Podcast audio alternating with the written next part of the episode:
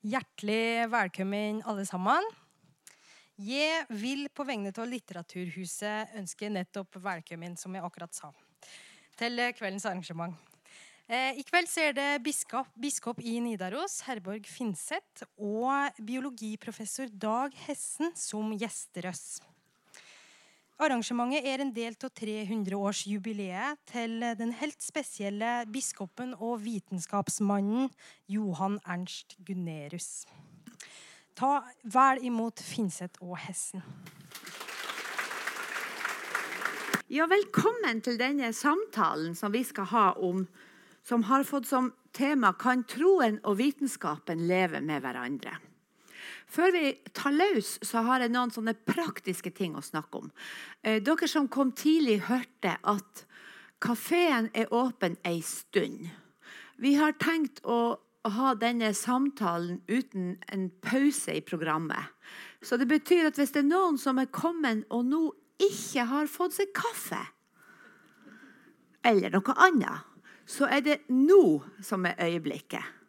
Sånn at Hvis det er mange som nå går og vil handle mer, så venter vi litt med å begynne. Så skal jeg oppholde Dag her med litt tomt snakk mens, mens vi venter på dere som henter kaffe. Så, men det er virkelig, altså, vi har avtalt vi kjører dette uten pause. sånn at Hvis noen har lyst på kaffe eller handle noe annet, så, så, er det fint om dere gjør det nå. For det er nå dere kan få, få tak i det som kafeen har å selge.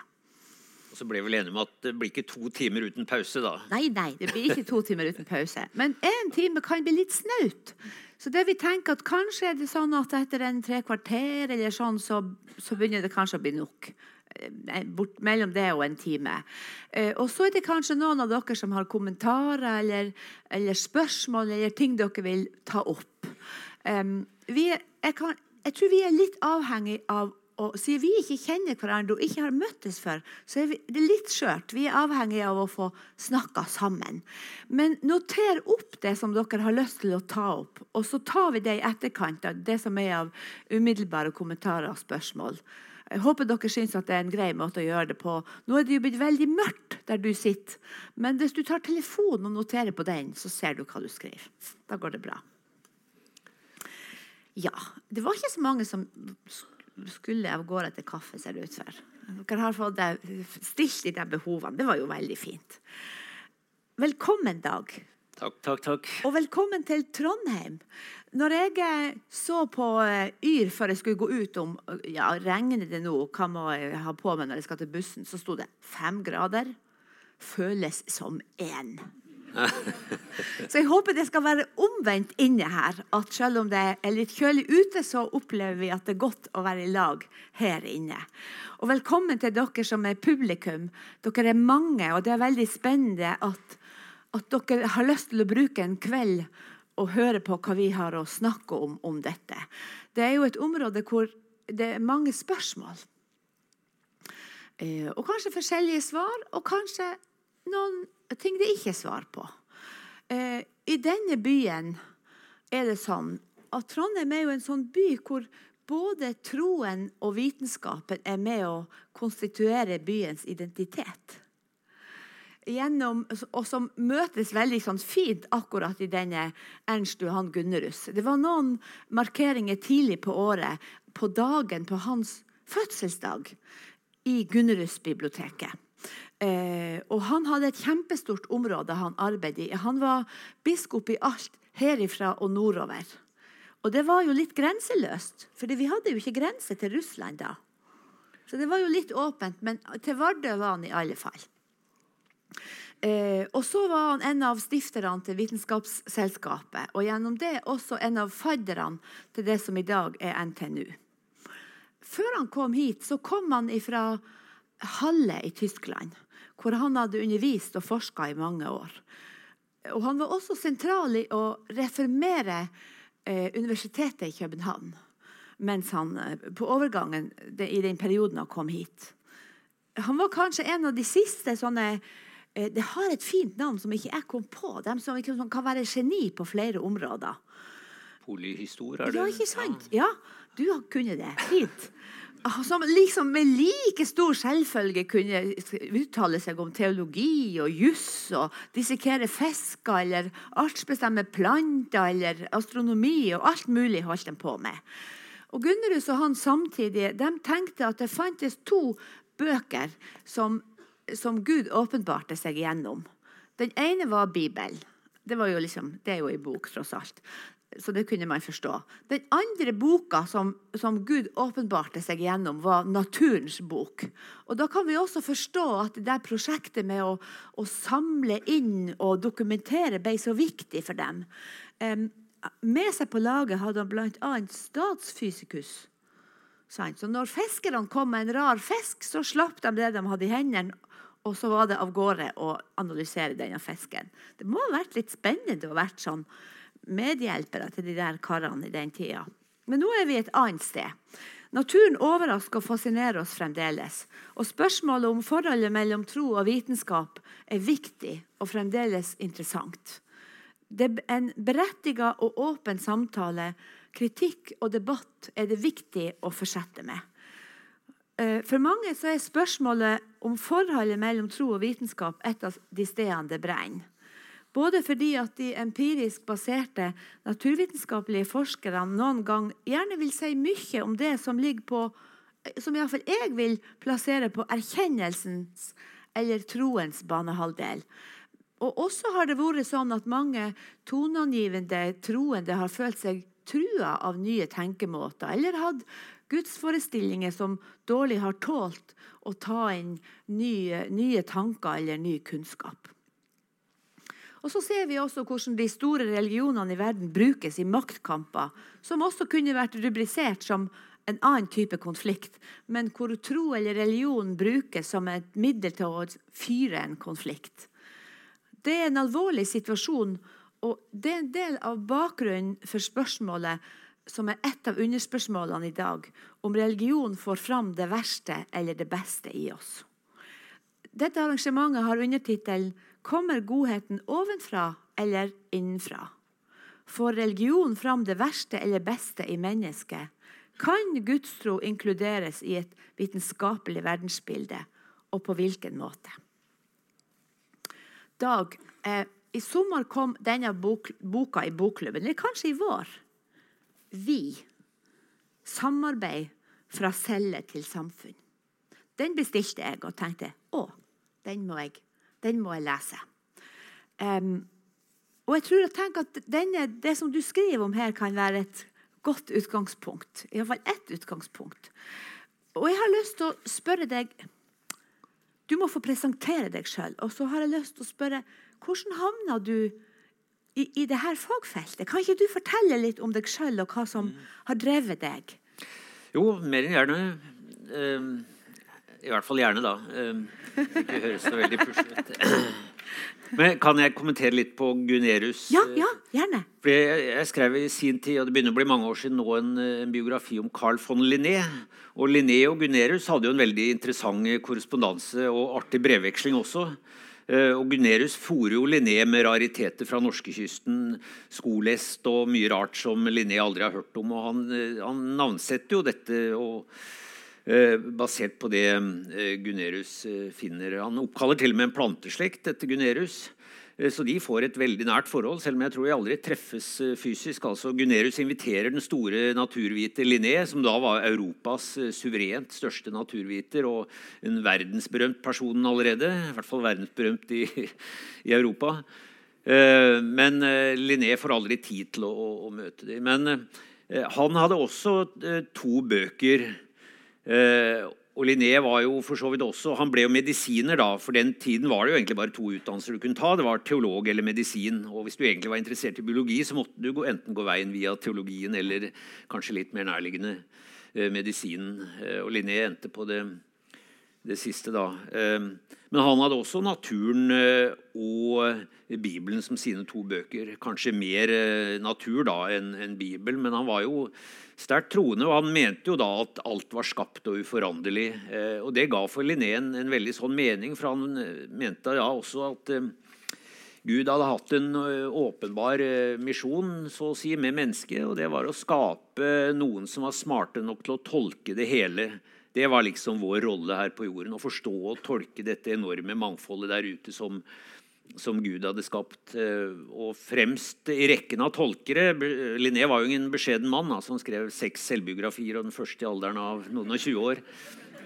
Den ene mer selvrosende enn den andre. Det var litt sånn den tida, tror jeg.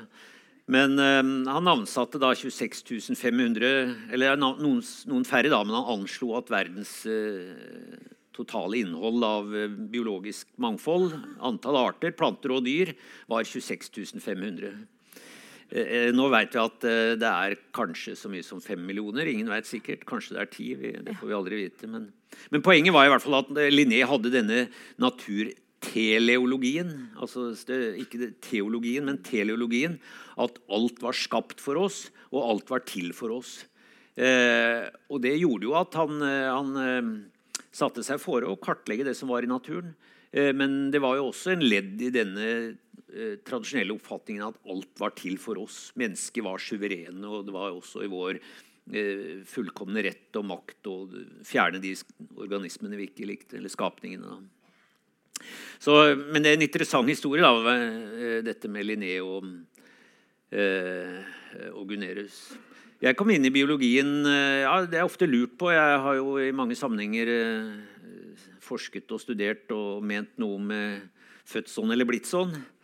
Eh, og om jeg er født eller blitt biolog, det er vel en Jeg tror det må ha ligget et eller annet der. Jeg har alltid likt empiri og tall og data og har liksom noe konkret å, å, ta fatt på. Samtidig som det er veldig viktig å bruke dette konkrete fundamentet til å undre seg. Det tror jeg er noe av den feilen vi gjør altså i naturvitenskap. At vi dunker elevene i hodet fra de eh, går i første eh, klasse og oppover med bare fakta og, og glemmer undringen. Eh, far var veterinær, så jeg, jeg fatta tidlig eh, interesse for det. Så det sto liksom mellom veterinær eller medisin eh, eller biologi, som egentlig jeg etter hvert ble mer interessert i. Uh, og, og, Grunnen til at jeg valgte biologi, tror jeg skyldes en enkelt lærer vi hadde, som var en sånn knastørr, virkelig streng rektor av den gamle typen. Helt uinspirerende og virkelig ikke noe å se opp til. Unntatt jeg var også biologilærer, nemlig. Og når, vi kom ut, når han tok oss med ut i naturen, eh, så var det liksom som puppeskallet revnet, og ut kom en vakker sommerfugl som hadde så mye kunnskap og sånn entusiasme for naturen. Så total transformasjon at, eh, at det smitta på en måte over. Også alt dette han visste. da. Så jeg tror kanskje det tente. tente. Men er, altså, jeg husker første klasse på um, gymnaset, som det het den gangen. i, i um, biologi. Så kom vi inn og så prata litt med sidemannen. Så hadde vi en nordnorsk, meget streng biologilærer som da Du der, kom deg ut. Jeg skjønte ikke hva han mente meg. Jeg, ja. Har ikke du bruk for biologien, så har ikke biologien bruk for deg. Så kasta han meg på gangen. Så da tenkte jeg pokker, jeg skal vise han.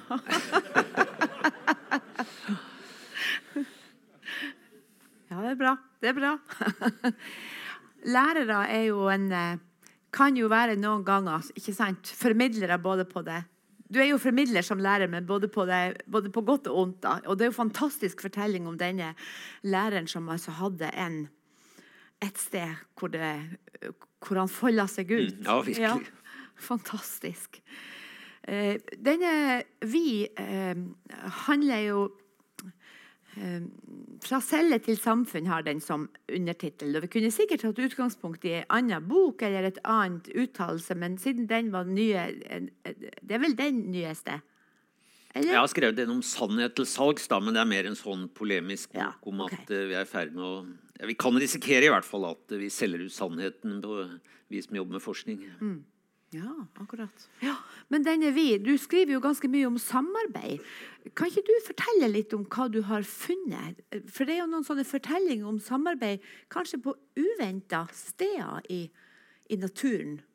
I, ja, det er en bok jeg lenge har hatt lyst til å skrive og tenkt det er viktig å skrive. fordi jeg er jo evolusjonsbiolog, og jeg er ikke-troende. Jeg, jeg, mistet min tro lenge før jeg hadde hørt om Darwin, så det hadde ikke noe med det å gjøre. Det hadde med tilfeldighetens og ondskapens problem og den type ting. Men, Eh, når jeg begynte å studere biologi, så er det klart, da møtte vi tidlig på Darwin. og eh, det, det, nok, det, er nok, en slags oppfatning at biologer har lite godt eh, å bringe til torgs når det gjelder mennesket. At det biologien kan fortelle om mennesket, er at vi er selektert for spisse albuer og vold og aggresjon, og at enhver er seg selv nok. Mm. Uh, og det er nok også blitt uh, kanskje befesta med bøker som vi kan komme inn på senere. Altså Dawkins' uh, bok om the selfish gene. Mm. Som har skapt en forestilling om at ja, vi er jo i betydelig grad påvirket og, og, til og med i noen tilfeller styrt av våre gener. Hvis de er egoistiske, så må vi bli egoistiske. Og hele Darwins budskap er liksom 'survival of the fittest'. Eh, som i og for seg eh, Darwin betonte konkurranse veldig sterkt. Eh, og det er jo helt åpenbart en motor i evolusjonen. Ingen som helst tvil om det. Men han betonte også at konkurranse behøvde ikke alltid være på individnivå. Det er jo en lang diskusjon for de som er inne i biologi. så Er det en lang diskusjon, er liksom seleksjonsenhetene som vi sier, er det på genetisk nivå, er det på individnivå, eller kan man tenke seg at det også er på høyere nivå? Og, og dette med gruppeseleksjon hadde lenge, og har vel fortsatt, en litt sånn dårlig valør. Samtidig så eh, påpekte Darwin veldig innsiktsfullt i sin senere bok om mennesket at noe av det mest karakteristiske ved mennesket var at vi samarbeidet. Eh, og de grupper av mennesker som var gode til å samarbeide, stilte opp for hverandre i gruppen. Enten det gjaldt å felle en stor mammut, eller når vi begynte med jordbruk og grøfte, eller gå sammen om å fiske de ble de beste problemløserne. I og for seg også i kamp mot nabostammen. Hvis nabostammen besto av en løst aggregert samling av folk som var mest opptatt av å redde sitt eget skinn, mm. så var det rimelig at de som sto sammen, eh, vant den krigen. Så det var et, var et åpenbart suksesskriterium, mente Darwin, eh, dette at vi var evolvert for å stå sammen, sosiale. og Det gjorde også at vi hadde utviklet empati. Eh, og Darwin mente da at eh, også eh, moral er en naturlig evolusjonær egenskap. Så det er jo et viktig budskap for meg, dette at Selvfølgelig, det er ikke noe naivt budskap. Vi er onde og egoistiske og aggressive og alt dette også. Men det behøver ikke noe lang, lang, argumentasjon for å påpeke akkurat det. Det er liksom åpenbart. Mens at vi er mye bedre enn vi tror, og av helt naturlige evolusjonære grunner, det er viktig. Mm.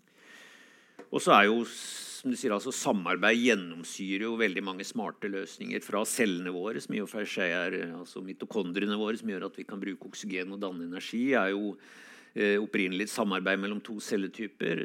Eh, masse organismer eh, bedriver symbiose. og Ser vi stort på det, så er alle vi som er flercellet, eh, skyldes jo at eh, to og flere celler etter hvert slo seg sammen neddempet så å si sine egne interesser og dannet et større fellesskap som viste seg å være en suksess.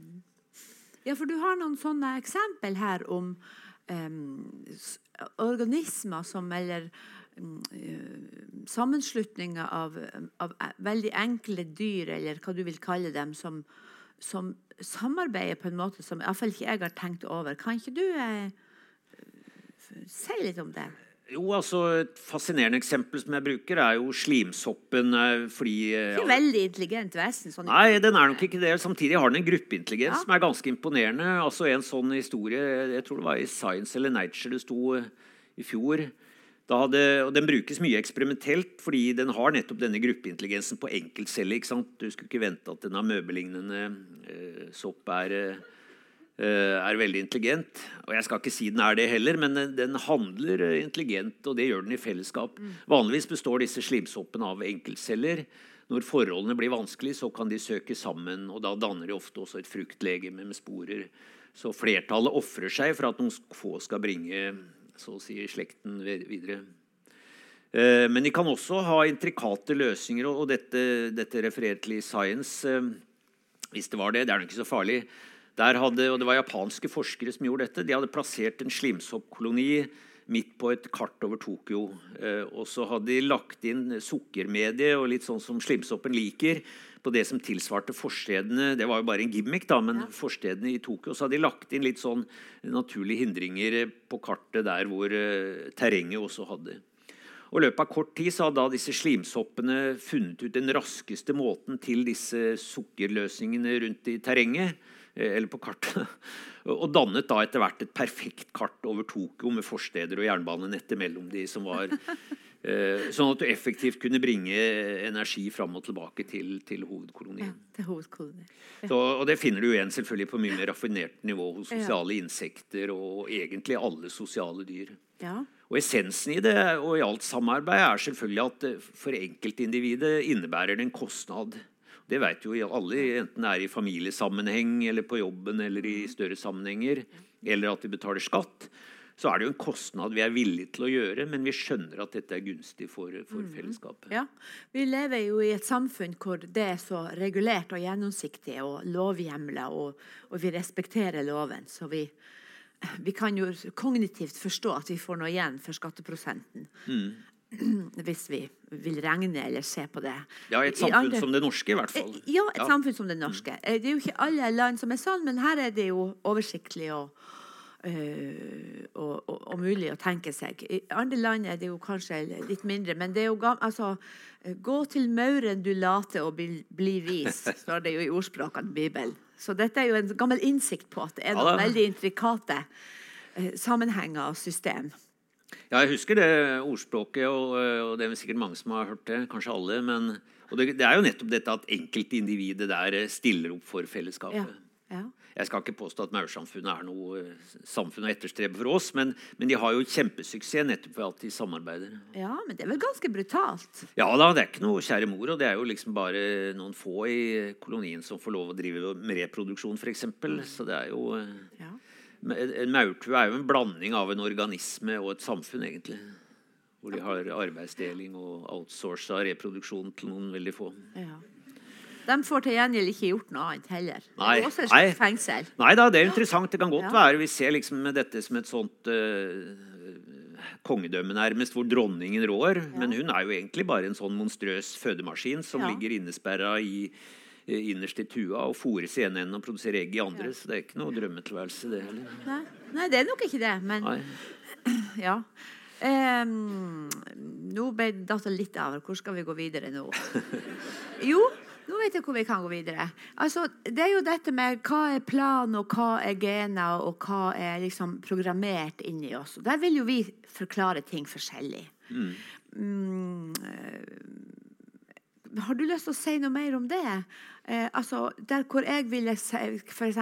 sitere André Bjerke har jo et sånn nydelig dikt om det nyfødte barnet. Eh, det er litt gammelt dikt, for det er, liksom, det er jo referansene på det som er superfantastisk, når han sier at selv selv, eh, eh, selv noen slags tretrinnsraketter Det er noe mer før som jeg har glemt. Og tretrinnsraketter blir puslingers puslespill mot det at barnet åpner Altså at barnet åpner øynene og ser. En luke i himmelen går opp. Selv puslinger, selv tretrinnsraketter og hva det er mer, og stjernefysikk blir puslingers puslespill mot at når det nyfødte barnet åpner øynene og ser, og beviser med et eneste blikk at Gud er til. Sånn er det det slutter. Og det er jo den der magien på en måte i Hvor det er kanskje noe av det eh, både uforståelige og miraklet som, som møter oss, og som, og som griper oss mest, og som jo er som man kan forklare empirisk på mange vis, men som også er vidunderlig og stort for alle foreldre og alle, alle voksne som får møte det barneblikket. Jo, jeg følger André Ja. Bjerke i hvert fall til Ja. siste linje. Men, Ja. eh, men eh, Og André Bjerke var jo en evolusjonsskeptiker, og han mente at problemet med evolusjon var jo liksom at den var sjelløs og kald. Og sånn oppfatter jo mange, eh, mange eh, evolusjonen. Mens eh, og Dawkins, som kanskje oppfattes som den eh, hardeste rasjonalisten av alle, han jeg han sier at 'science is the poetry of reality', som jeg syns er vakkert sagt. Og han skriver jo også om 'unwaving the rainbow', og eh, hvordan eh, når man oppdager mysteriene i naturen, og hvordan de henger sammen, så frarøver ikke det naturen sin magikk og fascinasjon og, og for så vidt eh, mysterier. Det er masse vi fortsatt ikke vet. Um, men det beriker oss. Det, det er sånn jeg føler det. Jeg føler ikke at naturen er frarøvet eh, noe som helst. Tvert imot. Det, det berikes for meg at jeg i hvert fall vet en del om det som fins der ute. Men eh, det er klart, biologi forklarer ikke alt. eh, For all del. altså. Så reduksjonistisk eh, tror jeg ingen vil være at de kan eh, si det.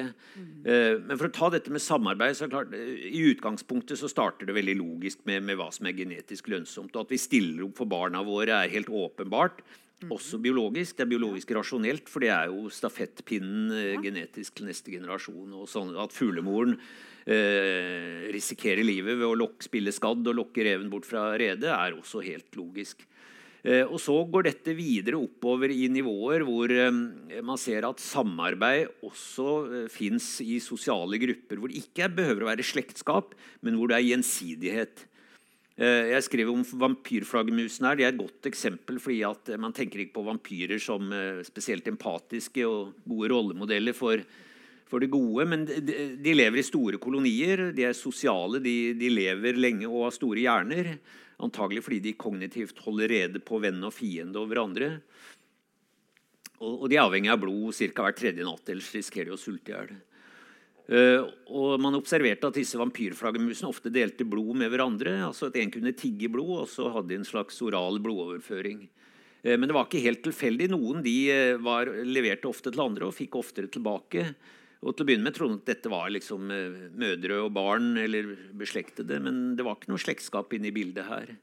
Men det var sånn at de som var villige til å dele, de fikk hyppigere igjen. Ja. Og det er klart det er en kostnad ved å dele av sitt overskudd når du har eh, blod, for du kunne jo hatt god nytte av dette selv.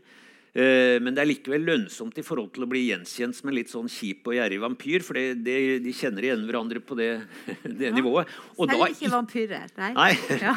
og det er veldig gjenkjennbart hos oss. ikke sant? Eh, og, og, og risikoen ved da ikke å få tilført hvis du selv er kritisk ja. sulten, er selvfølgelig mye større enn den kostnad å dele. Og dette tenker jeg er en, en ganske god parallell til eh, vår vilje til å betale skatt. Eh, vi gjør det kanskje ikke med glede, men vi gjør det, ja, noen gjør det med glede òg. Og man bør gjøre det med glede. Men, eh, men det er jo fordi det, vi innser at dette til sjuende og sist gagner oss selv også. Så det, vi skal ikke påstå at det er altruistisk. Det er en interessant ting om altruisme faktisk Ja. Det kan vi jo Ja. eh, minne hverandre på å komme tilbake til. På samme måte som ondskap eh, fins det genuin ondskap. Eh, men så selvfølgelig på et eller annet tidspunkt når vi kommer til mennesket, så overtar jo andre mekanismer. helt klart. Vi får sosiale normer og regler. Mennesket er den eneste organisme med en etisk bevissthet. Eh, og jeg tror kanskje Jeg tror nok sosiale dyr kan ha en form for primitiv eh, dårlig samvittighet hvis de svikter mangfoldet. Men, men der, eller gruppen, men det er nok mer sånn riset bak speilet. De, de får unngjeld og de blir utstøtt. Mens vi har jo normer og regler. Etter hvert så kommer rettsregler. Og, og dette som Harari skriver veldig godt i, i boka 'Sapiens', hvordan vi klarer å bygge store, intrikate nettverk og fortsatt ha en følelse av at det er et slags vi og en tilhørighet. Og, og i Norge har vi klart dette utmerket på nasjonalt nivå. Eh, og som også gjør at vi har stor tillit til hverandre og eh, høy skattemoral. Selv om folk alltid gjør seg prektigere enn de egentlig er i sånne undersøkelser, så har vi høy villighet til å betale skatt. Eh, og, og en omfordeling og alt dette som, som er med på å, å gjøre samfunnet godt. Det er jo fordi vi har erfart også at dette, at dette virker. Ja, I andre land hvor, hvor det ikke virker, så, så feller motivasjonen veldig for å f.eks. å betale skatt. Ja, jeg tror vi skal være veldig oppmerksom på at dette er noe som kan skru seg både ned og opp. Altså, det er masse eksempler på velfungerende samfunn som har skrudd seg ned, hvor dette begynner å rakne og mistenksomheten øker. Og hvis ikke han betaler skatt, så vil ikke jeg gjøre det. Så, Så hvor man ser hvordan uretten blomstrer. Jeg har, jeg har hatt noen gode venner som har bodd i en liten by sør, godt sør om Roma, f.eks. Og hvor man har sett hvordan, eh, hvordan det offentlige blir gjennomholdet av de kriminelle. Jeg har iallfall sett hva det har gjort med gleden av å betale skatt. Den har stupt. ja, Ja. nettopp. ja. Ja, Det finnes noen veldig interessante sammenligninger av samfunn som var ganske like det norske. og jeg, jeg tror noen italienske samfunn, Dette er vel noen på BI som gjorde en veldig interessant sammenlignende studie, hvor de gikk gjennom en sånn nedadgående spiral som du beskriver der, hvor liksom tilliten rakner, skattemoralen rakner, og etter hvert blir det en slags jungelens lov altså i det som opprinnelig var et, et velfungerende samfunn. Men det ser jo ut som at det kan gå ganske fort. Eh, nå er jo ikke det et tema for oss i dag, men vi har jo noen eksempel på at det er ganske skjørt, det her eh, laget utenpå, når vi ser hvordan eh, hvordan hatretorikken blomstrer. Sant? Hvordan noen kan vrenge på sannheten. Hvordan presidenter som vi trodde var presidenter i frihetens fyrtårn, går løs på pressa, f.eks. Ja, nei, det er, det er mange tegn i Europa som er skumle i tiden. altså At man velger totalitære, mer totalitære løsninger. i hvert fall. Så eh, ja, det er viktig å hegne om dette. og Derfor er det gode, viktig med at vi opprettholder disse gode sosiale normene. Jeg tror også det er viktig at vi erkjenner at vi er ganske gode. Arbeidstittelen på denne boka var 'Mennesket bedre enn sitt rykte'. Ja. eh, uten spørsmålstegn bak, for det mener jeg vi er. Nå er jo ryktet veldig dårlig, da. og og ikke uten grunn. Jeg tror Noe av det er også måten ofte pressen framstiller dette på. For i mediene så er det alltid de negative nyhetene som, fungerer, som dominerer. At noen ble rana der og slått ned der, og det er krig og vold der.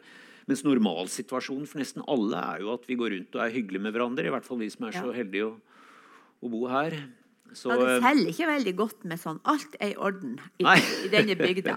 Nei, i dag gikk alle rundt og smilte til hverandre. Ingen ble påkjørt i dag. Du får ikke noen overskrifter og salg nei, av det. Så det er, um, og, og Kahneman skriver veldig godt om dette i 'Thinking Fast and Slow'. Uh, altså hvordan uh, vi har en forrang for negative nyheter uh, Mm. fordi det er der på en måte oppmerksomheten skal ligge mm. historisk. Så, og pressen profitterer jo på dette. Så jeg, og, og jeg tror måten vi tenker på oss selv på, er viktig. For hvis vi tenker at ok, fra naturens side er vi først og fremst eh, opptatt av oss selv, egoistiske, gjerne aggressive og voldelige, at det er den egentlig menneskelige naturen, så, så er det lett å tenke at ja, hvorfor kjempe mot? Eh, Jeg bare gir etter eh, med, for mine naturlige lyster og laster. Mens eh, hvis vi har det etter mitt skjønn sannere bildet, at en normalsituasjon for mennesket er stort sett å være hyggelig med hverandre, i hvert fall de som er innenfor dette vi-et. Det er jo et viktig spørsmål. Hvem er Ja. innafor, og hvem er utafor? For et vi eh, forutsetter ofte et de. Men at grunntilstanden hos mennesket eh, er positiv, det tror jeg blir en sånn litt selvoppfyllende profeti. Og, og det er klart at eh, blant normene fins jo religiøse normer også, helt klart, som historisk har vært veldig viktige, og fortsatt er veldig viktige. Ja, og her snakker vi jo også om sant, mennesket som Vi beveger oss jo nå i, i randen av spørsmålet om menneskets på en måte vesen. Er vi gode eller onde? Er vi grunnleggende det ene eller det andre? Og, eh, og hvor, eh, eh, hvor det også har vært en samtale med mange fasetter i. Ja, altså jeg, jeg tror det er veldig viktig at det gode kommer innenfra, og også at moralen kommer innenfra. Men så må den jo dyrkes og raffineres fram helt Ja. åpenbart. altså. Um, det er litt av det samme, det er en spørsmål er, er barn født uh, ja, Jf. André Bjerkestig. Er vi født uh, snille og empatiske? Uh, og Det er vanskelig å si helt klart det. altså Barn kan jo være forferdelig brutale med hverandre, og mobbing tror jeg aldri lar seg avskaffe helt. Samtidig er det interessante studier som viser at barn leser den voksne. ikke sant? Om, om dette med speilnevroner fins eller ikke, strides man med, men i hvert fall er man stand, barnet veldig tidlig i stand til å lese den voksne. Uh, og smiler tilbake. Eh, ja, og prøver å mate den voksne når den selv blir mata. Og det er noen veldig interessante forsøk fra, som er gjort på dette Max Planck eh, institutt for atferdsstudier, som viser barn som er, er små, kanskje bare to år, som så vidt går, i en forsøkssituasjon hvor det kommer eksempel en voksen inn i et rom med bøker eh, og prøver å få disse bøkene inn i et skap. Eh, det er veldig mange artige videoer der ute. og Dette er ekte forskning, det er ikke sånn YouTube-kattevideoer. altså Nei, Dette nei. er reelle forsøk. Ja. Eh, og barnet sitter da sammen med en voksen, kanskje mor eller far, eller noen ja. kjenner, og, men kjenner ikke forsøkspersonen, som kommer inn med bøkene og leser situasjonen med en gang. Her er en som trenger hjelp. Går bort og åpner skapdøra, så eh, vedkommende får plassert bøkene. Barn, ja, det er veldig vakkert. Ja. Blir helt rørt av å se på det, og barnet går og setter seg. Ja. Men det er klart, disse tilbøyelighetene må må dyrkes fram altså, i, et, et varmt samfunn, og selvfølgelig med mor og far først. Så eh, Jeg skriver jo også der om, eh, om erfaringer fra barn som da vokser opp enten i brutale barnehjem eller med omsorgssvikt, og som da stort sett blir dysfunksjonelle også følelsesmessig. Ja. Så dette er ikke noe som kommer uansett. Altså, det, det må dyrkes eh, og, og ha en sosial kontekst. Der tenker vi ganske likt. Tenker dette med at, at mennesket har eh, Mennesket har evnen i seg til både godt og ondt, men at mennesket også er godt. Eh, når vi snakker sammen om f.eks. sånn vet, hvem vi kan samarbeide med. så det, det er egentlig det katolikkene sin måte å snakke på, men den er veldig fin. De sier vi vil samarbeide med alle mennesker av god vilje. Ja. Og da, da forutsetter man jo at de andre også, at alle har det. Altså at, at man har evne til, å, til den gode vilje. Eh, og at, og at det er en av menneskets viktige drivkrefter å ville gjøre det gode.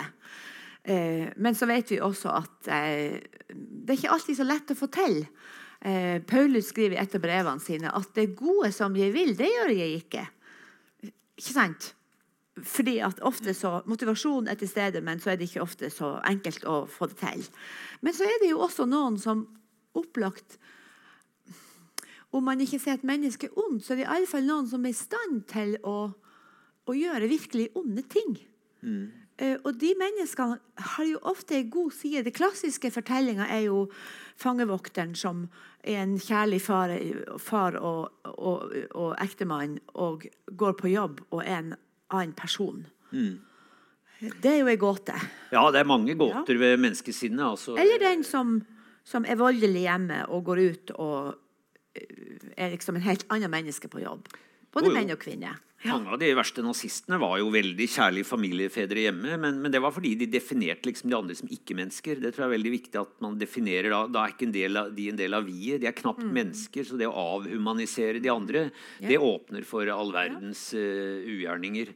Men jeg tenker det er viktig, altså dette, bare for å avrunde dette med at vi, vi, det gode kommer innenfra, at Ehm, jeg tenker Det er et mer sånn filantropisk syn på mennesket enn dette at vi er født med arvesynd og må frelses osv. Uh, jeg mener vi er født gode, og det gode kommer innenfra. Men så er det jo som jeg sa da, veldig mange ting som må spille på lag for å dyrke fram dette gode. Altså Primatforskeren Frans de Wahl han kaller oss den, eh, de- den schizofrene ape. Eh, Fordi vi har både dette gode og dårlige i oss. Vi kjenner det jo igjen fra Kain og Abel ikke sant? og Ja. denne grunnfortellingen. Hvordan, eller Hobbes og Rousseau, hvor Hobbes mente at mennesket var en ulv blant ulver. Som er for så vidt en underkjennelse av ulven, da, som er veldig snille med hverandre og, og hyggelig så lenge man ikke er sau. Men, Eh, mens og at menneskets grunntilstand da var brutal, og at livet var kort og voldelig, og, og at det var bare en st sterk stat som kunne regulere dette. Mens Rousseau så det nærmest motsatt, at menneskets naturtilstand er godt og positivt og hyggelig. Litt som jeg gjør det, men jeg innser at hadde jeg ikke vokst opp med snille foreldre i et land som Norge, så hadde jeg vel antagelig hatt et annet grunnsyn også. Så, eh, Hadde jeg vokst opp i eh, Sør-Sudan eller eh, Syria eller Hadde de kanskje kalt deg naiv? ja, helt klart. Så ja, absolutt. Så jeg prøver eh, å, å ikke være naiv i dette. Og det er klart, ja. å benekte at ondskap fins, Ja. vil være en sånn eh, type naivitet. Ja, det blir vil jo være en livsfarlig naivitet. Ja, rett og helt slett. klart. Ja. Ja, det er veldig interessant dette om eh, Jeg har diskutert dette mye med min, eh, min gode venn og kollega Arne Johan Vettelsen. Han er filosof, da, men han har skrevet mye innsiktsfullt om dette, om ondskap eh, og eh, hva skjedde egentlig i konsentrasjonsleirene Ja. og i mange andre steder hvor han har studert folkemord. ikke sant? Hvor folk som ligner hverandre, og antagelig er genetisk veldig nær i slekt også, så det er ikke noe sånn etnisitet. Eh, men kan være ulik tro. Men av en eller annen grunn så massakrerer de hverandre i et eh, inferno. Så det er mekanismer som får fram eh, en del ekstremt svarte sider også i normale mennesker. Men jeg tror ondskap i den forstand at, eh, at eh, man nyter å plage andre, Ja. det er tror jeg, en patologisk unntakstilstand. På samme måte som jeg tror det er nok vanskelig å finne genuin altruisme, men det kommer an på hvordan vi definerer det. Jeg tror veldig mange, mange flere enn vi aner, eh, gjør gode gjerninger uten å, å forvente gjengjeld. Og Det er jo på en måte teknisk sett definisjonen. ja, for det er jo en måte å tenke på om hvem er så min neste? Ja. Som er jo også en sånn bibelsk frase som noen stilte vet du, for å prøve å beskytte seg. Og hva var svaret de fikk? Fortellinga om den barmhjertige samaritan. Eh, Det er en sånn, det er en sånn diskusjon eh, hvor noen skriftlærde kommer og sier For det var en sånn diskusjon. Er min neste bare min slektning eller naboen eller de som er i det nære nettverket? Men Da kom jo en fariseer. Ikke sant? Det var en fariseer som kom med det. Og en fariseer det skal vi jo tenke litt en gang til om, for hos oss blir jo en fariseer en, en hykler. Men en fariseer var jo en vel ansett person i sin samtid. Eh, Men han hadde da likevel et behov for å, for å ville diskutere dette med en annen lærd person om hvem er min neste. Eh, Som jo vanligvis da ville være den som du var en venn med, eller den som du hadde et slags nært fellesskap med slektsmessig eller på andre vis. Eh, og så ødelegger jo liksom Jesus, denne profeten fra Nasaret, hele bildet med å fortelle om en som da ikke fikk hjelp av de som han kanskje kunne vente å få hjelp av, og som var døden nær, og dermed var en urein. Mm. Fordi at hvis han var død, så var han i alle fall urein. Uh, og så kommer det en fiende. Ja, det er veldig mange gode bilder i, ja. ja. i Det nye testamentet på Jesus det utfordrer jo ja, grensen for hvem, hvem hører vi sammen med. Hvis vi ser Jesus som en historisk person, hvilket han sikkert var, så er det klart at han hadde jo noen fabelaktige budskap som både kristne og ikke-kristne kan uh, ta inn over seg. Men uh, Eh, godheten er altså ikke avhengig av eh, en tro, tenker jeg. Eh, og den kan forsterkes, men den kan også korrumperes av det. ikke sant? Hvis bare de som tror som meg, er innenfor, ja. eh, som vi jo ser plenty med eksempler på i, i, eh, religionsutøvelse i dag. Og jo mer dogmatisk, jo viktigere er dette indre viet, og jo mer rettroende og ren må man være for å tilhøre viet. Og alle de andre er da eh, de som de andre, og som, som man kan i noen i verste tilfelle gjøre Eh, hva man vil med. Men, det er eh, også de tendensene nå i andre typer polemikk. Jeg tenker, Dette er jo også en del av populismens kjennetegn. At man setter vi er, liksom, vi er de virkelige, og så må man sette opp noen som er utenfor, mm. for å få skjemaet til å fungere. Ja, mm. Det har jo skjedd en positiv utvikling veldig lenge. Altså, Steven Pinker skriver veldig godt om det i The Better Angels of Our Nature. Uh, hvor han sier uh, altså Hvis vi går noen hundre år tilbake og ser hvordan vi behandlet uh, kvinner, barn, dyr, funksjonshemmede, hva det måtte være, annerledes med andre, andre legninger osv., så, videre, så var det jo rettighetsløse ofte. Og avstraffelsesmetodene ser vi på i dag som ekstremt uforståelig barbariske til dels. Ja. Altså. Ja. Um, og så gjennom opplysningstiden så skjedde en humanisering av mennesket. så uh, og etter hvert da kom normer og regler inn, og ting som før var helt tillatt, eh, ble etter hvert avskyelig. Og så kom jo rettighetstankegangen inn. Jeg har f.eks. lest at man forska på Altså Man skar i levende dyr. Mm. For man hadde ikke noen idé om at dyr følte smerte. Nei, det var jo Descartes' postulat. Ja. Eh, ikke sant? At dyr var roboter, nærmest. Ja. Ikke følte smerte. Og så var mennesker noe helt for seg selv. Mm. Den dualismen der forsvant jo med Darwin. Mm.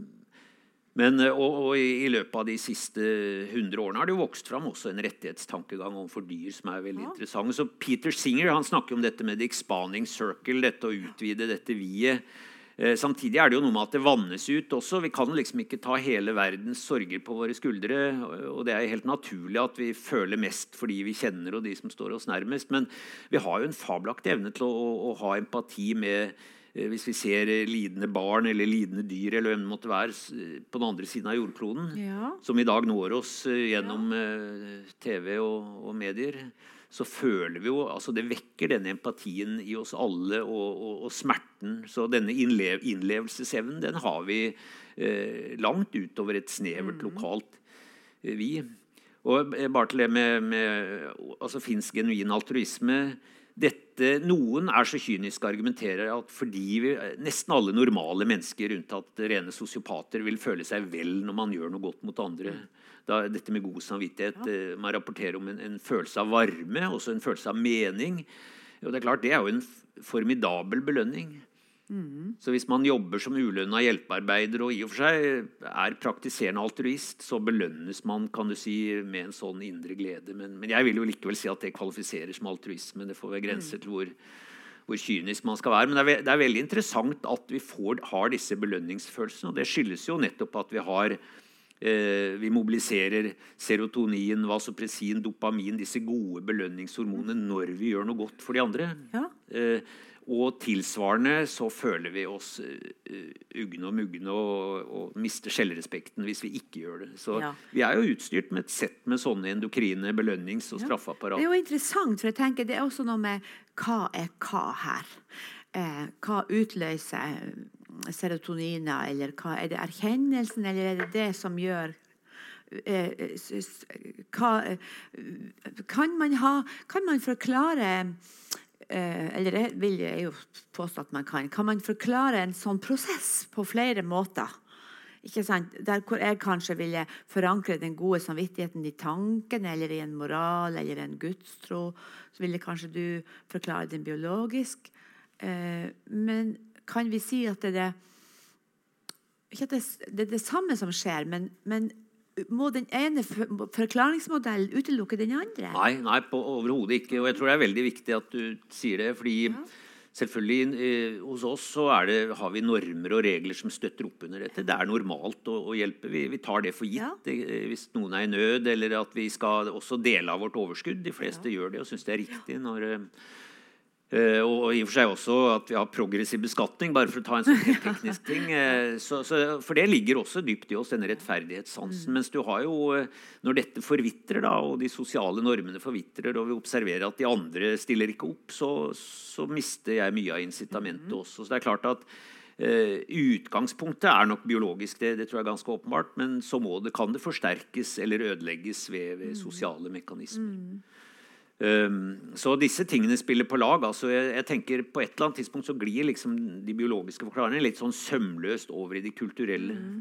Ja, og Der kunne jo jeg tenke meg at man kanskje kan fortsette med et lag til og si at noe kan være religiøst eller filosofisk. Mm. motivert, kanskje. At at det, er flere lag her på et vis, med forklaringsmodeller eller måter å forholde seg til ting på. Eh, må, det er en ting vi må innom tror jeg, Dag dette er veldig spennende å snakke med deg om. Og så tenker jeg dette med empirisk forskning og tro dette mellom, eh, Noen av dere som er her, har vokst opp med en slags nesten sånn dikotomi, eller at det har vært en sånn eh, svart-hvitt at enten så tror du på Gud, eller så tror du på vitenskapen. Kjenner noen som kjenner seg igjen? Jeg ser jo ikke om dere nikker, men jeg tror at det er noen som kjenner seg igjen i det. Hvor det har vært en sånn gjensidig mistenkeliggjøring av hverandre. Ikke at man sier jeg opererer ut ifra en sånn tankemodell og på en måte godkjenner din rett til å, å, tenke annerledes, men at det kanskje har blitt en sånn mistenkeliggjøring eller fordumming av den andre. At den som tror, er dummere enn den som eh, vil forholde seg til en empirisk verden, og som jo vi også kanskje kan si tror, men med et annet fortegn. Eh, hva skal vi si om disse tingene? Eh, noen vil jo ha forsøkt å bevise Gud, og mange har forsøkt å motbevise Gud. Hva tenker du om det? Ja, det er jo liksom kjernen av, av eh, der kanskje det blir litt eh, eh, ja, Vi kan få opp temperaturen i debatten, og, ja. og, men også hvor det er vanskelig å komme med eksakte svar. Men det er helt klart at eh, vitenskapen, i hvert fall naturvitenskapen, da, det som kalles science i engelskspråklige land, det er Eh, den er empirisk fundert. Eh, alt jeg jobber med, og det er det jeg liker med den. Jeg kan eh, måle og veie og ha konkrete ting.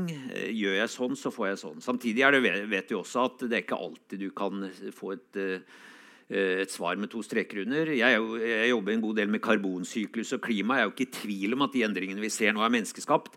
Eh, men å forutsi hvor dette vil føre oss, hvor varmt det vil bli, hva slags økologiske konsekvenser eller samfunnsmessig, det er jo helt umulig. Så på det nivået er det usikkert. Men i bunnen så bygger jo dette på det vi kaller first principles, altså enkle lovmessige modeller. Men etter hvert som dette akkumuleres i ulike nivåer, så blir det Eh, mer og mer komplekst, og, komplekst til et nivå hvor du ikke kan forutsi ting mer enn eh, kvalitativt. At et eller annet sted her får vi en utviklingsbane. Og, så er det klart at uh, ting da som ligger utenfor dette empiriske og målbare, det er på en måte utenfor naturvitenskapens domene. Uh, mange i naturvitenskapen har ment at man også skal holde seg unna normative spørsmål og ikke våge å trekke faget sitt over mot filosofisk og de store spørsmålene. Det mener jeg er helt feil. Jeg mener jo at vi bør engasjere oss der hvor det er viktig, og vi bør også eh, jeg synes noe er mest spennende. Derfor jeg har skrevet bøker med Thomas Hylland Eriksen og også med filosofer. fordi jeg syns det er veldig artig å utfordre naturvitenskapen. Eh, og, Hvis man er opptatt av evolusjon og menneske, så er det jo helt umulig å ikke komme inn på disse store spørsmålene. Det er jo hele fødselen og blitt sånn debatten. Ja, tenker, Men, det er jo kanskje særlig langs de aksene at vi kan oppleve at det brenner.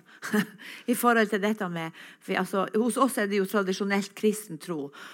I et annet land kunne det sikkert også vært en annen religion. Men også, mm. i vår kontekst er jo liksom hoveddiskusjonen sant? kristendom eh, vitenskap, altså, eller tro-vitenskap, som blir satt opp som motsetninger. Mm, jeg har lyst til å fortelle deg, Vi har sånn fin backstage her. Dere, hvis dere ikke har sett, så må dere kikke inn før dere går. Det er den gamle eh, bystyre- eller kommunestyresalen for Trondheim kommune. For dette, vi sitter jo nå ved siden av det gamle rådhuset. Eh, og vi satt der inne, Så måtte jeg fortelle deg noe om hva jeg lærte i en av de første timene vi, i hebraiskklassen.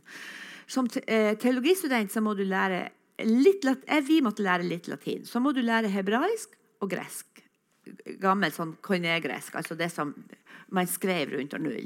Det er jo ganske sånn rudimentært. Det er jo forholdsvis oversikt. Men, men vi begynte da uh, I den fortellinga som, som, språklæreren vår måtte gå ut fra at, han, at vi kjente best skapelsesmytene, som jo altså jeg bevisst velger å kalle skapelsesmytene. For det første er det jo to i kapittel 1 og 2.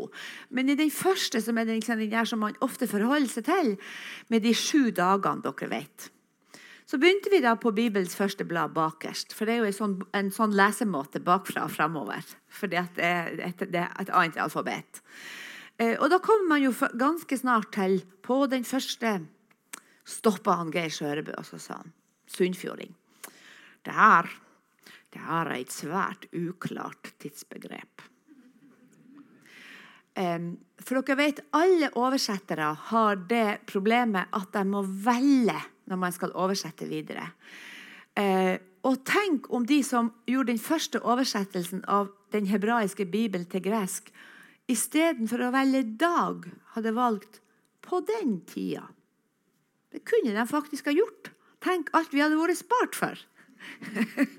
Men vi henger fast i en del sånne grunnleggende forutsetninger. Og jeg tenker at i dag har, har vi via nettet og via eh, alle slags moderne kommunikasjon et har det akademiske kristne Europa fått en ny utfordring lenger vestfra. Fordi at eh, altså, I tusen år og mer enn det så har man jo drevet forskning og diskusjon på teologi. Så Det har man jo gjort veldig veldig lenge, i alle fall i tusen år. Sant? Tidlig middelalder så fantes det veldig lærde folk rundt omkring. Eh, man var for veldig tidlig klar over det her med at det var en eller annen på 500-tallet som hadde telt feil når han skulle telle seg tilbake til år null. Det har man visst om kjempelenge. Men også andre typer spørsmål har jo vært diskutert. Eh, og så får vi tilbake til veldig fundamentalistiske bibellesninger som er et annet sted. Og som jeg tenker, hvis man ikke hvis man leser sant, amerikanske tekster, så tror man kanskje det er likens i Norge, det er likens i Vest-Europa. Og det er det ikke. For det har jo også vært drevet masse altså, empirisk forskning for på bibeltekstene ut fra et litterært perspektiv. Hvor man kan si dette er et sekundært lag, dette kommer igjen. Denne teksten, en, denne myten finner vi også sant, i babylonske myter. eller her og der. Den typen innsikter har vi jo drevet på med en stund. Men likevel så blir det jo nå igjen som um, Hvor det blir, kan bli en slags sånn polemikk hvor vi kommer til kort mot hverandre, eller hvor vi liksom bare stanger jeg ser du har liksom Ja, nei, Det er mange stikkord. Jeg tror det er veldig viktig poeng. Altså, det er klart, eh, Dogmatisk tro er én ting. Eh, åpen tro er en annen. En mm. fortolkende tro. Ehm, eh, det er klart, Gjennom århundrene så har nok ikke religionen gjenerobra noen av de tapte skansene fra vitenskapen. Men det betyr jo ikke at altså Vitenskapen vil jo aldri kunne motbevise en gud. Det ligger i, i sakens natur. Det er to helt ulike domener. Like lite som det kan bevise eh, noen gud. Og jeg har jo opp gjennom årene vært i mange debatter med, eh, med kreasjonister. Eh, og da, Det mener jeg er et åpenbart punkt hvor eh, altså Det er ingen rimelig grunn til eh, å bestride at det har foregått en evolusjon. Noen sier de kan akseptere mikroevolusjon, men ikke makroevolusjon. Altså at en art kan eh, gi opphav til andre arter. Men det er jo bare to sider av akkurat samme sak. Når summen av mikro eh, evolusjonære endringer blir stor nok, så, så vil det gjerne inntre en makroevolusjon. Så, men, eh, og Der er det også en hissig debatt mellom ungjords- og gammeljordskreasjonister, hvor de noen tviholder på at eh, dogmatisk så er enhver fravikelse fra troen på at jorda er 6000 år, det er kjettersk. Selv om man ellers tror på, på skapelse. Og Noen sier at vel, de geologiske bevis er så overveldende at det er meningsløst å stride mot de. Jorda er gammel, men skapelsen står likevel fast. Og så har vi de fleste troende som jeg kjenner, eh, inkludert eh, den katolske kirken, som nå aksepterer at det har foregått en evolusjon. Jeg kan ikke se på noen måte at det skulle være truende for, for tro. Nei, tvert imot. Jeg tenker for min del at det der Ja. beriker jo. Ja. Det er jo fortellinger som beriker hverandre. Det blir jo bare mer fascinerende. Ja, så, og jeg, altså jeg er jo ikke antiteist som Zapfe, en av mine gamle helter. Eh, Zapfe var jo antiteist. Han brukte store deler av livet på å argumentere hissig mot en gud han egentlig ikke trodde på. Eh, Så han ble liksom aldri helt enig Han med seg selv ikke ble ikke ferdig med det. Nei. Nei. Eh, Og jeg er heller ikke helt der hvor Dawkins er. Altså, jeg er jo eh, ikke-troende, men, eh, men jeg forstår godt behov for å tro. Og jeg har ikke noe imot troende overhodet. Jeg respekterer eh, selvfølgelig de som tror, på samme måte som jeg respekterer de som ikke tror. Jeg husker godt når min, eh, altså En ting med tro er jo at eh, det kan gi en form for mening som man ikke skal kimse av. Jeg husker- når min tante, som var sterkt troende, eh, lå for døden. Hun hadde fått kreft, og så spurte jeg om hun var redd. Nei, hun var ikke redd overhodet, for hun skulle hjem til Jesus. Og tenkte det ville være meningsløst å prøve å argumentere mot, mot det synet. Og ok, om det så er en livsløgn, så Ja, det var jo kanskje ikke akkurat tidspunktet til å ta opp. Nei. Det måtte, Nei, men uansett, altså jeg, jeg, eh, Hvis noen eh, mister Ja. sin tro pga. vitenskapelige argumenter, så må det være opp til de. Altså. Men eh, Ja. det er jo ikke målet med å argumentere vitenskapelig. Det er også en misforståelse at, eh, at evolusjonslærerne har hatt en slags sånn Det er en trojansk hest for ateisme. Det er det jo ikke. Den, mm. um, så, um, så jeg um, Jeg adskiller meg sånn sett fra eh, både Zapfo og Dawkins, selv om jeg ikke ser noen grunn til å tro. Jeg ser ikke hva, eh, eh, hva man, hvor man mangler egentlig forklaringsgrunnlag. Bortsett fra kanskje det er to, eh, to uforklarte store problemer. Det ene i mitt felt er jo livets opprinnelse. Ja. Det mener jeg i og for seg ikke er veldig mystisk. Det er bare det at vi vil aldri få vite akkurat hvordan det skjedde. Fra det øyeblikk den første funksjonelle celle fantes og kunne dele seg, så er liksom resten veldig logisk. Det er det naturlige utvalg. Eh, mens akkurat livets opprinnelse, det har vi ikke helt svar på. Men jeg, jeg, jeg ser ikke det som noe sånn kjempemysterium. det ligger jo i mens- mørket, da, både i min og din fortelling. ja, og i, ja, det gjør jo det. Ja, Men, mens derimot Det begynner jo i mørket. Sant? Universets opprinnelse, da er vi inne på områder som ligger langt utenfor det vi er erkjennelsesmessig er i, stand til å fatte. Så såpass ydmyke syns jeg vi skal være at det, det er spørsmål der som Mm. ikke vitenskapen per i dag i hvert fall kan, eh, kan forklare på noen eh, veldig forståelig måte. Man kan forklare det matematisk, men, eh, men ikke på noen måte som vi intuitivt kan forstå. Så, og Vitenskapen er jo sånn. altså det, Man holder seg med en sannhet inntil en bedre forklaring dukker opp. Så, så eh, Det er jo også en misforståelse at eh, vitenskap handler alltid om sannhet med to streker under. Ja. Men det handler jo om sannsynliggjøring, hvor én forklaring er mer sannsynlig enn den andre. Så Sånn sett kan man tenke seg at det en gang vil dukke opp noe som motbeviser revolusjonsteorien, hvilket jeg veldig sterkt betviler. Men skulle det skje, så, så må vi virkelig være åpne for å, å kaste vrak på den. Det er vel ikke så veldig sannsynlig, akkurat det. Nei, det er det ikke. Og, og som sagt, det viktigste er jo at eh, det, den, eh, så lenge man ikke er eh, dogmatisk og bokstavtro, så er, representerer ikke evolusjonsteorien noen utfordring overhodet, tenker jeg. Det er veldig fascinerende. Det er veldig fascinerende med, med også å tenke altså Når man ser på, på de der lange linjene og, og de der eh, stedene hvor du finner spor av ett et sant? Hvor du fant liksom menneske, eh, dinosaurspor, ikke sant? og du finner de ene og de andre fra forskjellige aldre. Mm. Er jo utrolig at det, at det går an. Og at det er sånne lange strekk. Eh, Jeg har vært på Svalbard en del. Mm. Og bare det å gå på eh, fossiljakt Mm. Kjempespennende. Og at du kan liksom finne sant, et avtrykk av, et, av vegetasjon liksom skjult inni steinen, og at det blir en slags sånn Kan åpne det, og så, så er det der. Ja, Det det, må vel være ærefrykt. eh, Eller de der store øglene som de har drevet og leita fram oppi eh, attmed Grumantfjellet. Eh, Ja, ja, det er min kollega Utrolig. og venn Jørn. Hurum som har Ja. eh, gravd fram det. Ja. Nei, altså det er jo dette med missing link er jo, eh, det, det kan vi parkere. Og, og så har vi jo genetikken. ikke sant? Eh, Jeg jobber jo mye med å sekvensere gruppa vår da, sekvensere ulike organismer. Og vi ser jo dette genetiske slektskapet på en fantastisk måte. er Eh, Nei, så Evolusjonsteorien syns jeg ikke vi bør å diskutere. Det gjør vi jo heller ikke. altså. Så, Så, er det, det er jo noen der. ting som jeg tenker det er vanskelig å eh, Hvis jeg skal presentere mitt resonnement litt for deg i forhold til dette med Guds eksistens eller tro? Så er det jo, en del, det er jo en skikkelig, noen skikkelig filosofiske knuter. sant? Lidelsens problem. Eh, hvis det skal være en allvektig Gud, hvordan skal, hvordan skal vi forstå det? sant? Men så handler det jo også om dette med hvis man sier at, kan, at det må være rom for noe mer. Det er jo en del ting som vi kan måle og veie, og som passer i empirien. Eh, empirien forutsetter jo også at du skal kunne gjenta forsøk og finne det samme. Men jeg tenker eh, Kan man måle kjærlighet? Eller kan man, kan man liksom kvantifisere en kunstopplevelse?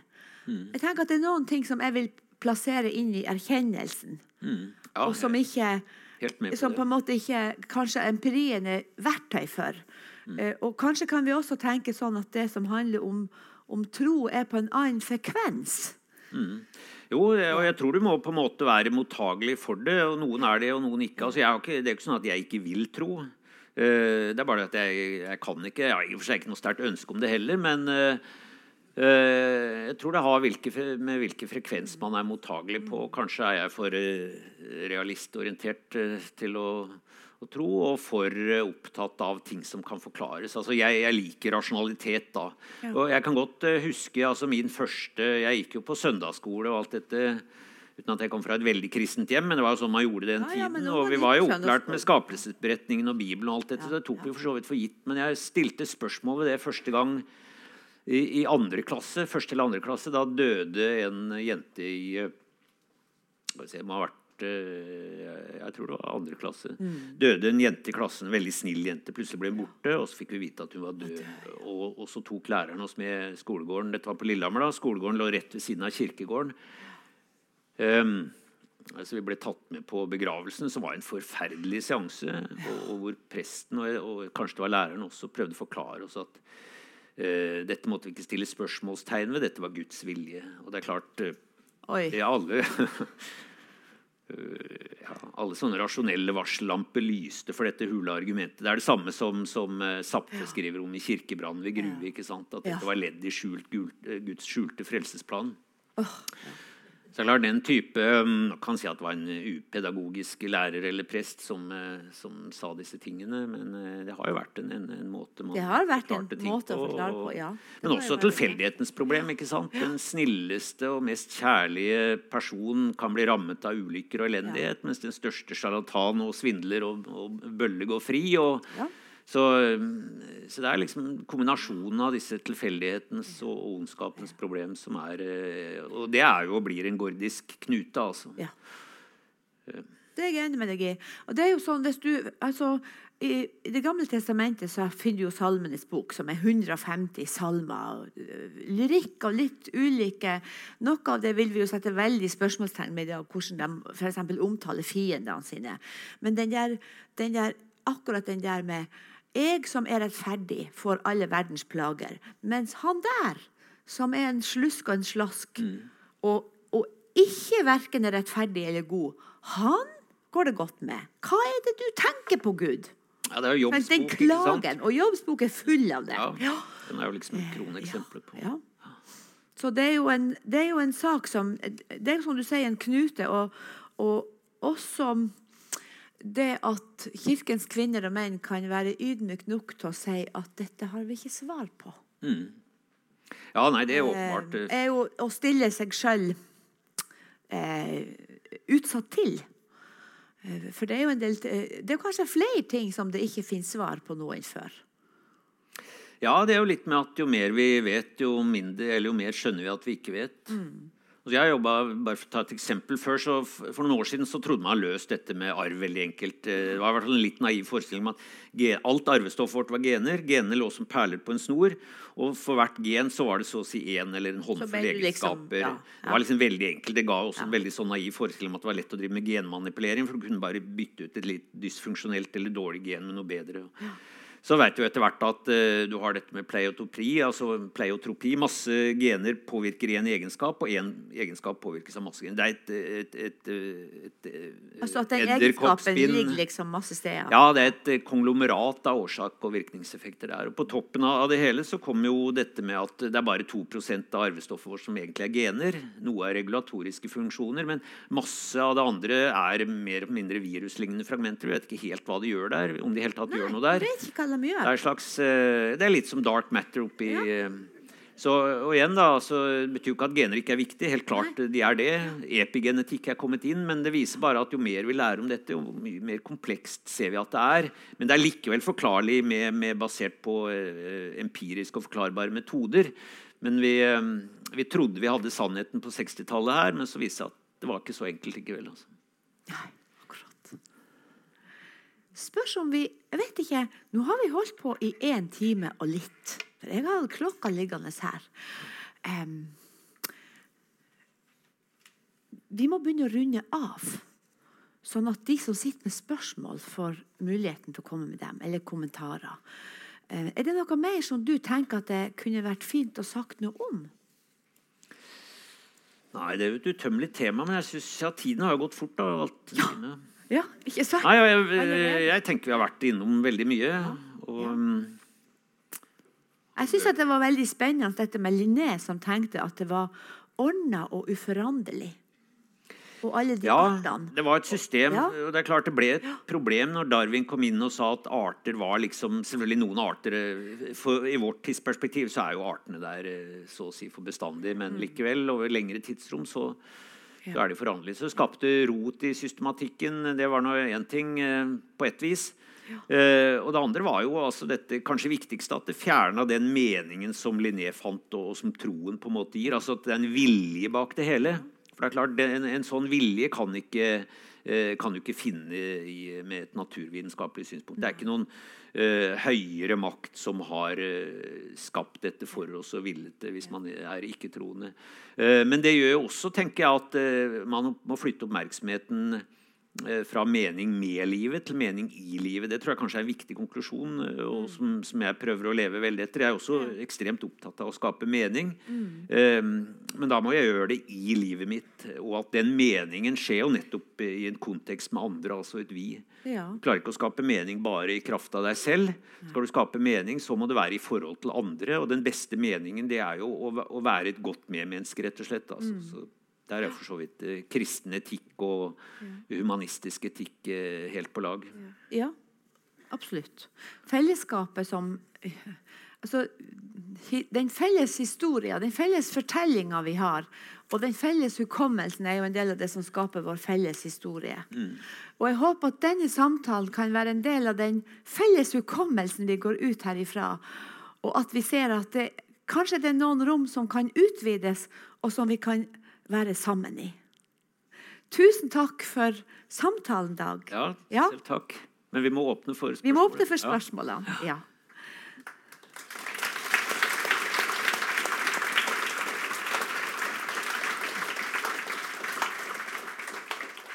Jeg tror, at, jeg tror at Ernst Johan Gunnerus hadde likt å være her. Jeg tror han hadde likt seg og hørt Jaså, har de funnet ut det? Og så tror jeg at denne, denne åpenheten og nysgjerrigheten Jeg setter veldig pris på den. og Det, det er kjempespennende å, å, høre. Men nå er det sånn at jeg ser ingenting. Hvis noen her vil rekke opp hånda eller si noe, så mm, klarer ikke jeg det.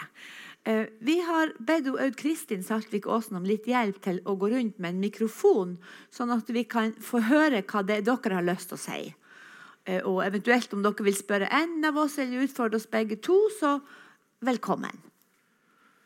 Hvis noen tenker på det, så kan jeg jo kommentere på det at det, det som er litt synd med sånn som vitenskapen har utvikla seg men Det er jo en nødvendighet, så, sånn måtte det gå. Men Gunerius som du sier, han, var, eh, han kunne på en måte litt om alt og var interessert i alt. Og han brukte teologien som innfallsport til å samle dyr og forstå naturen. Litt som Linné gjorde. Og jeg tenker kanskje den siste, i hvert fall på naturvitenskapens eller biologiens område, som hadde sånn full oversikt. Eh, det var Kristine Bonnevie. Ja. Hun hadde jo ikke noe oversikt over de andre fagdisiplinene. Men, men, eh, men det som har skjedd etterpå, er jo at eh, fagfeltene har gått mer og mer fra hverandre. Vi har blitt mer og mer eh, oppsplittet. Og i dag når vi snakker om behovet for tverrfaglighet, for det går jo igjen i alle Ja. festtaler, Ja. eh, så, så har vi utvikla så langt fra hverandre at det er veldig viktig, vanskelig å overvinne et stammespråk vi har utvikla, også de ulike virkelighetsforståelsene. Det, men vi, prøver etter hvert å å jobbe på lag. Eh, Jeg, er nå eller med på å starte opp et stort nytt senter i biogeokjemi i antroposen, som det heter, hvor vi er veldig opptatt av å få med også samfunnsvitere.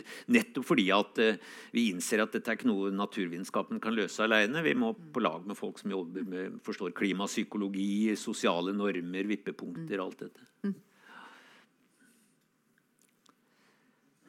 Anyone? Nei, det er et vanskelig Jo, der er det han.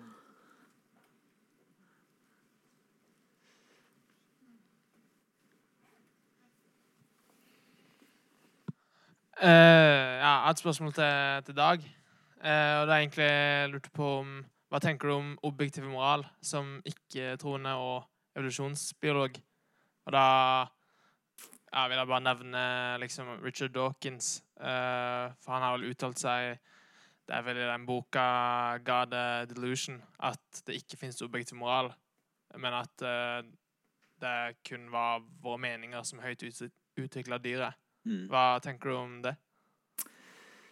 Ja, Det blir fort et sånt spørsmål om uh, semantikk. altså. Det har jo vært litt av spørsmålet blant uh, enkelte som har ment at uh, moral må konstitueres i en slags autorativ skrift på et eller annet sted. Et eller annet må moralen bygge på, ellers blir det bare, bare følelser. Men jeg vil si at det er ikke bare følelser. Eh, men jeg, jeg, jeg kan være enig med Dawkins. altså Objektiv moral i den forstand at det er nedfelt i en klar skriftlig kodeks, som igjen åpenbart eh, da eh, sannsynligvis er menneskeskapt. Eller åpenbart er menneskeskapt. Det blir litt sånn sirkelslutning. Så jeg tror det nærmeste man kommer en objektiv moral, er den felles erkjennelsen som jeg tror nesten alle har. Hva er en god handling? Hva er en moralsk riktig handling? Hva er normativt rett og galt? Eh, Nesten alle normale mennesker vil innenfor et visst slingringsmonn være enige om, om dette. Og det kan i og for seg godt nedfelles i moralske regler. Eh, og man kan godt si at de ti bud, eh, i hvert fall ni av de, kan vi slutte oss helt til som sånne moralske rettsregler. Men å si at eh, det fins en absolutt eh, moral, det, det er jeg tvilende til. Men det er et, selvfølgelig et helt kjernespørsmål. Eh, også spørsmålet kan man være et eh, Kan man ha en moral som bare er forankret i ens egne følelser og erkjennelse av hva som er rett og galt? Ja, det er jo et veldig godt spørsmål. Ja, det er det. Og ikke lett å besvare.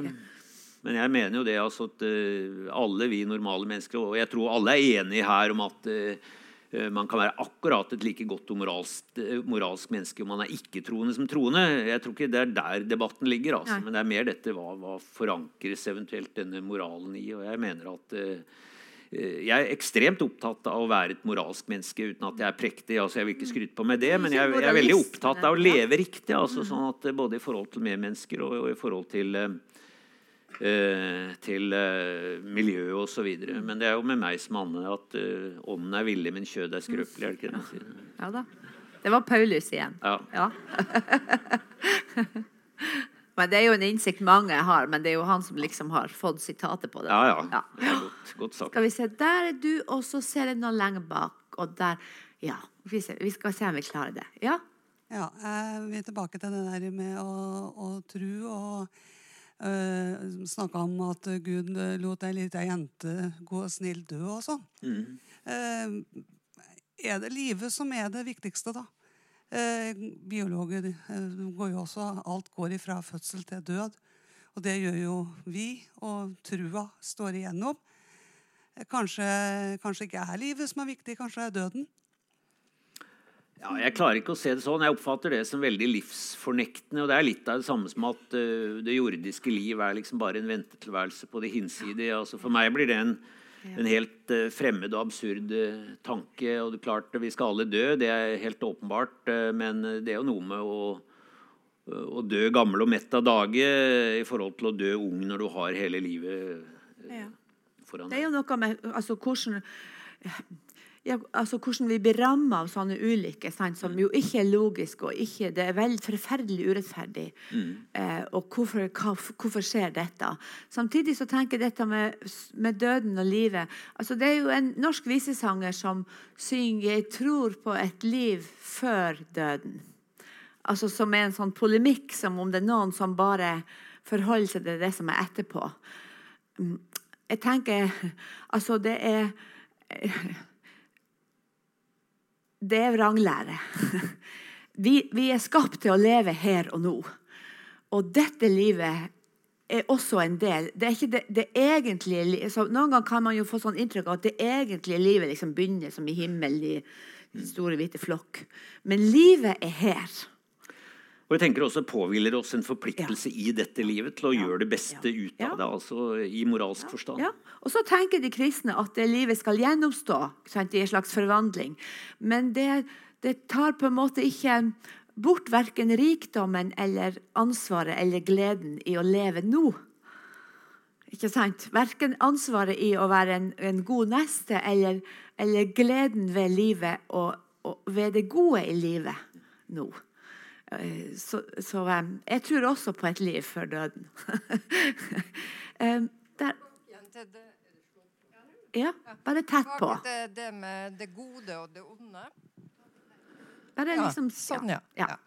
Um, dere var jo litt enige i at det gode fantes i mennesket, men at det måtte kultiveres fram. da. Men det jeg har alltid hatt problemer med kristendommen, har jo vært det her med arvesynden og de små barn som liksom må døpes for å, å bli god. Det skjønner jeg ikke helt. At et bitte lite barn kan eh, ha syndet og det onde vildene over seg. Ja, ja eh, det har jo også i en norsk kontekst vært brukt som et sånn skremsel. Og som jeg tenker for en del foreldre har fyrt en helt sånn forferdelig situasjon. ikke sant? Altså, før var det sånn at de udøpte barn, mordere og selvmordere fikk ikke en kristen begravelse. Altså, de tre gruppene var satt på yttersida av sant? Og da vil du eh, da vil du, Kristin, det er en her også. Jeg tror han er først. Ja, eller så OK. Eh, men, men, men, men hvordan det har vært brukt tenker som et sånn maktmiddel mot folk. Eh, hvis vi ser rundt oss, så tenker jeg den innsikten der om det onde som jeg vil, eller det gode som jeg gjør Dette med at vi har Mennesket har utvilsomt det gode i seg, men at vi også har slags, en slags grunnskade, da.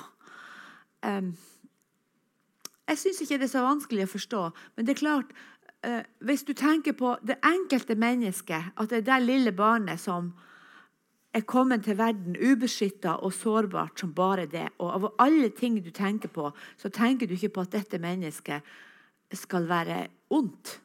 Altså, Tvert imot. Jeg hatt et sånn fantastisk møte med en sånn liten tass. Jeg har vært på et sånn kurs hvor en sånn liten som akkurat kunne gå, vandra rundt. ikke sant?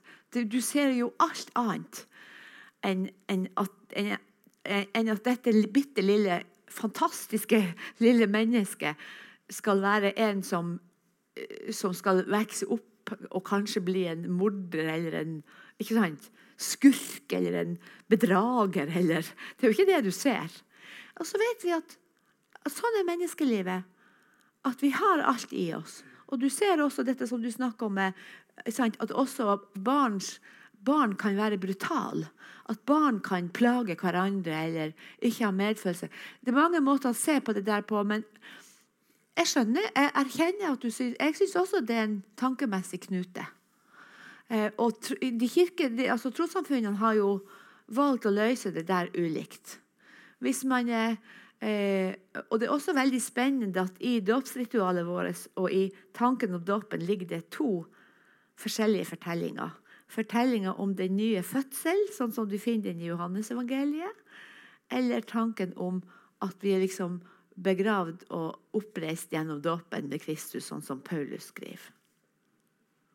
Så er du ortodoks eller er du metodist, så legger du vekt på den nye fødselen. Er du lutheraner og er du streng lutheraner, så kommer liksom synden krypende fram. Så vi har noe å arbeide med der, også hvordan vi snakker om ting. For vi har altså en rikdom i bildene. Men dette kunne vi ha snakka om en lang kveld. Og det hadde vært veldig spennende. For jeg tenker at for meg er det viktig å møte noen av disse spørsmålene med ydmykhet. For jeg ser hva de skaper, og hva de har skapt. Ja. Ja, um jeg lurer litt på, eh, Hvis en legger et premiss eh, som er litt annerledes enn det norske, da, f.eks. amerikansk delstatspensum og sånn til bruk i skoler Hvis en ser på en, en slik, slikt eksempel på den vestlige verden og utdanning, så lurer jeg på og Det er et spørsmål til dere begge, egentlig, men kanskje spesielt Dag. Vil du si at religion i dag er på noe som helst måte en hindring for vitenskap, eller vitenskapelig framgang, eller respekt for vitenskap? Uh, nei, ikke den norske virkeligheten, men det er noe av det som uh, jeg også er inne på den, uh, den siste boka, da, 'Sannhet til salgs', hvor jeg liksom på litt bred front sier at jeg, jeg, vil ikke si at sannheten er truet i norsk akademia eller norsk undervisning, men vi skal være litt obs på samme måte som vi skal med den norske modellen og, og, demokrati og alt dette. At vi skal ikke ta det for gitt og tro at det alltid er en utvikling mot noe bedre. Og noe av det jeg ser som skummelt, er hvis vi får Eh, privatskoler som vokser fram med en helt annen virkelighetsforståelse. Eh, og Noen vil kanskje tenke at kristne privatskoler er ikke så farlig, men da må vi jo tillate eh, kanskje koranskoler. Vi har jo en diskusjon på Universitetet i Oslo om vi skal utdanne imamer. Mm. De som er for det, sier at det er lurt at vi gjør det og tar hånd om det, for da kan man unngå denne farlige delen av utdannelsen og på en måte har en slags tillempet imamutdannelse i pakt med vestlige verdier. og Begge argumentene er for så vidt riktige. Og Noen mener jo at det er helt meningsløst at et universitet skal legge seg bort i imamutdannelse. Men vi har jo et teologisk fakultet. altså det eh, Så absurd er det jo ikke. Men jeg, altså, argumentasjonen min er at vi bør ha offentlige skoler, sånn at vi slipper da å få skoler som underviser i at, eh, ja, at evolusjon ikke har skjedd, eh, og også alternative sannheter på veldig mange andre ja. områder. At vi må slutte å vaksinere oss, for det er farlig. ikke sant? Eh, og at klimaendringer er noe som er påfunnet av en gruppe folk som har egen interesse av å spre redsel rundt dette osv. Så, videre. så jeg tror at for å demme opp for en hel serie med alternative sannheter, så bør vi være veldig forsiktige med å outsource alternative virkelighetsforståelser til, til privatskoler. Det finnes jo også private universitet som drives eh, eh, med en evangelisk formålsparagraf, og som ikke underviser i, i evolusjon, f.eks. Og, og som også tar veldig godt betalt. Så dette er jo en del av et sånt system hvor man også tar betalt for alternative sannheter.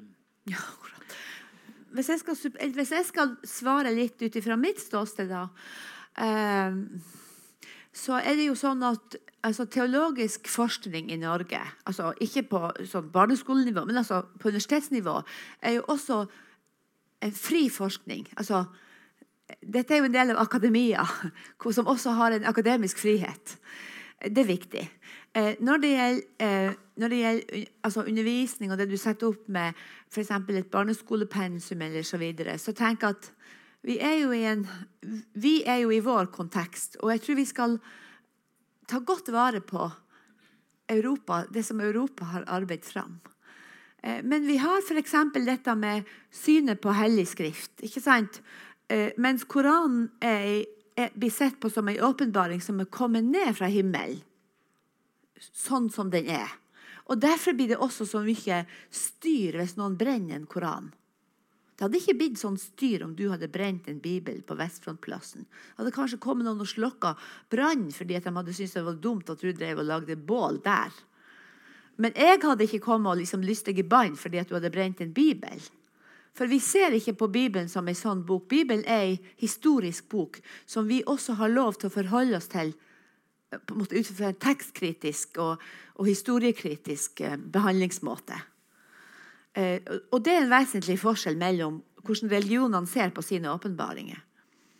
Jeg vil jo ikke anbefale sånn veldig mye bibelbrenning, da, men jeg vil heller lese den. Men det er liksom ikke noen som kommer og, det er ikke noen som kommer og tar deg, liksom. Fordi at vi ser annerledes på hva dette er slags eh, bok. Det er en ganske stor forskjell, som også kan være greit å være våken på i møte med, med, med, med troende fra andre religioner da, det blir en del av det å stille spørsmål ved Koranen er mye mer brennbart enn å stille spørsmål ved Bibelen sitt et eller annet tekst. Du, du, du liksom utløste noe annet. Ja. Ja, eh, først og fremst takk dere begge for en veldig berikende dialog. Um, ja, eh, Dawkins ble jo nevnt her i sted. Eh, som ikke-troende så er han en som jeg har både lest og hørt eh, en del av. Eh, dog så trekker han jo vel visse deler av religionskritikken sin veldig langt i at han bl.a. kaller religion roten til alt ondt, eller til mye vondt. Mm. Um, et spørsmål først og fremst til Dag. Eh, tror du at evolusjon og naturlig utvalg kan være med å fostre frem ondskap? Ja, igjen, altså ikke ondskap i den forstand. eh, Jeg tenker at patologisk ondskap, eh, som jeg oppfatter som sadisme, da, altså glede for å påføre andre smerte, den, eh, den har ikke noen adaptiv fordel. fordel. Så det er en, en patologisk unntakstilstand på samme måte som ren psykopati åpenbart er det. Eh, Så jeg tror ikke at eh, Eh, Jeg tror nettopp, som Darwin veldig innsiktsfullt påpekte, at det evolusjonen har gjort, fordi det har vært lønnsomt, det er å, å, eh, å selektere fram evnen til samarbeid i grupper. Og selvfølgelig samarbeid på et visst nivå. Da. Du kan ikke, altså Genet for alltid å stille seg bakerst i matkøa er dødsdømt. ikke sant? Det, må være et minimum av selvhevdelse der. Eh, Så dette må balanseres. Det er jo litt av det samme som spillteori går på også. Spillteori viser at helt naive strategier de vinner ikke fram. eh, Men egoistiske strategier vinner heller ikke fram. Så det er en, en typisk sånn 75 eh, god, 25% egoistisk strategi. Sånn titt for tett. Det er den som, som vinner fram. Så, og, og, så det er jo hovedargumentet mitt. altså At evolusjonen har frambrakt eh, dette gode i oss. Men det er klart, det ligger her også en eh, Vi, vi har aggresjon, eh, helt naturlig egenskap. Sånn at denne evnen til å reagere aggressivt og selvhevdende er jo åpenbart også en del av det. Men, men eh, balansen svinger for meg mer, og ikke bare meg, da, men, men eh, eh, Darwin også, mer i favør av samarbeid. Og det var jo ganske interessant. altså Jeg har kjempestor eh, Dawkins er jo en av, mine helter, selv om jeg altså ikke deler hans eh, eh, hva skal vi si eh, korstog, da, for å bruke det ordet, mot, eh, mot religion. Eh, jeg respekterer religion. Jeg ser hvorfor eh, mange tror, og jeg tror på sitt beste så har religioner positive ting å tilføre også. Eh, men selvfølgelig, altså, religionskorrumperende makt er helt åpenbar. Så jeg tror vi, vi klarer oss aller best med, med rasjonalitet. Men Dawkins sa jo eh, når jubileums Jeg husker ikke hva, hva et, eh, ja, Det samme kan være en eller annen jubileumsfeiring av The Selfish Gene. eh, At han like gjerne kunne kalt den boka The Cooperative Gene. Så det er jo interessant. Akkurat. Eh, er Et spørsmål en til der nede. Ja. eh, spørsmål primært til Dag her, tror jeg. Um, Herborg, du nevnte kjapt at eh, det virket som at kjærlighet var på et annet plan enn naturvitenskapelige. Hva eh, tanker har du om det, Dag? Eh, At kjærlighet er på et annet plan. Fikk det inntrykket av uh, Herborg sin uh... Ja, for det som jeg sa var noe om kan du, liksom, kan du måle Det er jo noen ting som på en måte Noen ting passer inn i et empirisk skjema. Um, du kan f.eks. få ta det i blodtrykksmåling. Ikke sant? Man kan lære noe om det. Man kan, altså Empirien forutsetter jo en gjentakelse. ikke sant? Men kan man f.eks. måle kjærlighet? Eller kan man, kan man utsette f.eks. Hvis du går på teater eller har en annen kunstopplevelse, hvordan skal du fange det i et empirisk skjema? Eh, Men jeg tror jo at kjærlighet i noen grad kan måles biokjemisk, helt åpenbart. Eh, Bare at det er ikke den fulle forklaringen. Nei? Eh, altså Når forelskelsens rus herjer, så er det en, en cocktail med, med hormoner som Ja. herjer med oss og gjør oss blinde og døve og gale. Eh, men når denne gir seg etter en stund, eh, og, man kanskje glir over i et permanent parforhold, eh, så, så utvikles da vasopressin, særlig da som er parbindingshormon, og som gjør at vi føler kjærlighet. Det er ingen tvil om det. Og hengivenhet. og både hudkontakt og øyekontakt stimulerer denne vasopressinproduksjonen hos, eh, i parforhold eh, og med foreldre og barn. Og det er til og med vist at den kan stimuleres gjensidig i forhold til hund og eier, for hunder lager også vasopressin. Så, så det er ikke noe unikt hormon for mennesket. Så sånn sett tror jeg at både forelskelse og kjærlighet kan eh, monitoreres og måles og langt på vei forklares biokjemisk. Men samtidig blir det jo litt sånn prosaisk hvis vi skal tenke at det bare er det. Så det er jo noe mer. Vi, vi ser liksom kjærligheten i en, i en, større kontekst. Det er jeg med på. Og, eh, og altså for å ta andre ting som opplevelse av musikk, da, ja. som kan være en veldig sterk opplevelse, den, eh, den har nok åpenbart altså Rytmefølelse og sånn har nok en sang og musikk har alltid vært viktig for mennesket. Mm. Ehm, men eh, det er vanskelig å forklare, totalforklare den genetisk.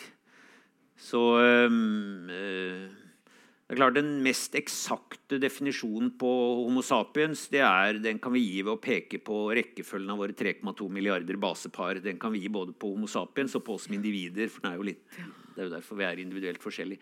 Samtidig skjønner vi alle at det er ikke den totale forklaringen på mennesket. Det er noe mer. altså Det er summen av alt dette. så så Sånn sett er jeg med på at eh, kjærlighet eh, åpenbart har en materiell, fysisk og, og, langt på vei forklarbar utgangspunkt i, i nevrotransmittorer. Men eh, samtidig er det noe mer. Altså. Jeg, vil, jo, vil, jo, si det.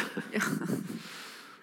ja og så finnes det jo også andre typer kjærlighet enn den, den kjærlighet som forutsetter en seksuell attraksjon mellom mm. to. Mm. Ja, da, altså, det finnes, selvfølgelig mellom foreldre, men det finnes også det som vi kan snakke om som nestekjærlighet. Ja da, hengivenhet. Ja. Eh, så, mm, men, eh, ja. Vi må begynne å gå inn for landing, tror jeg, Kristin. Men det, ja, det var. Ja. Hei, tusen takk uh, til dere begge to.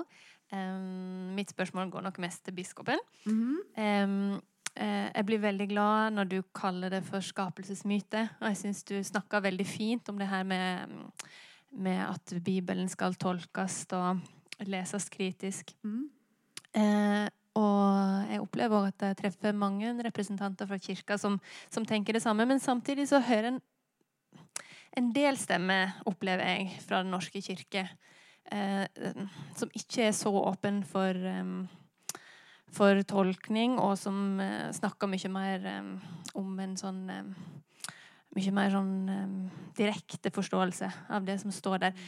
Um, jeg vet ikke om jeg får til å formulere det her som et godt Nei, men, spørsmål, men ja. opp, hvordan opplever du at Den norske kirke går uh, uh, i det her spørsmålet om uh, ja, kritisk lesning av Bibelen?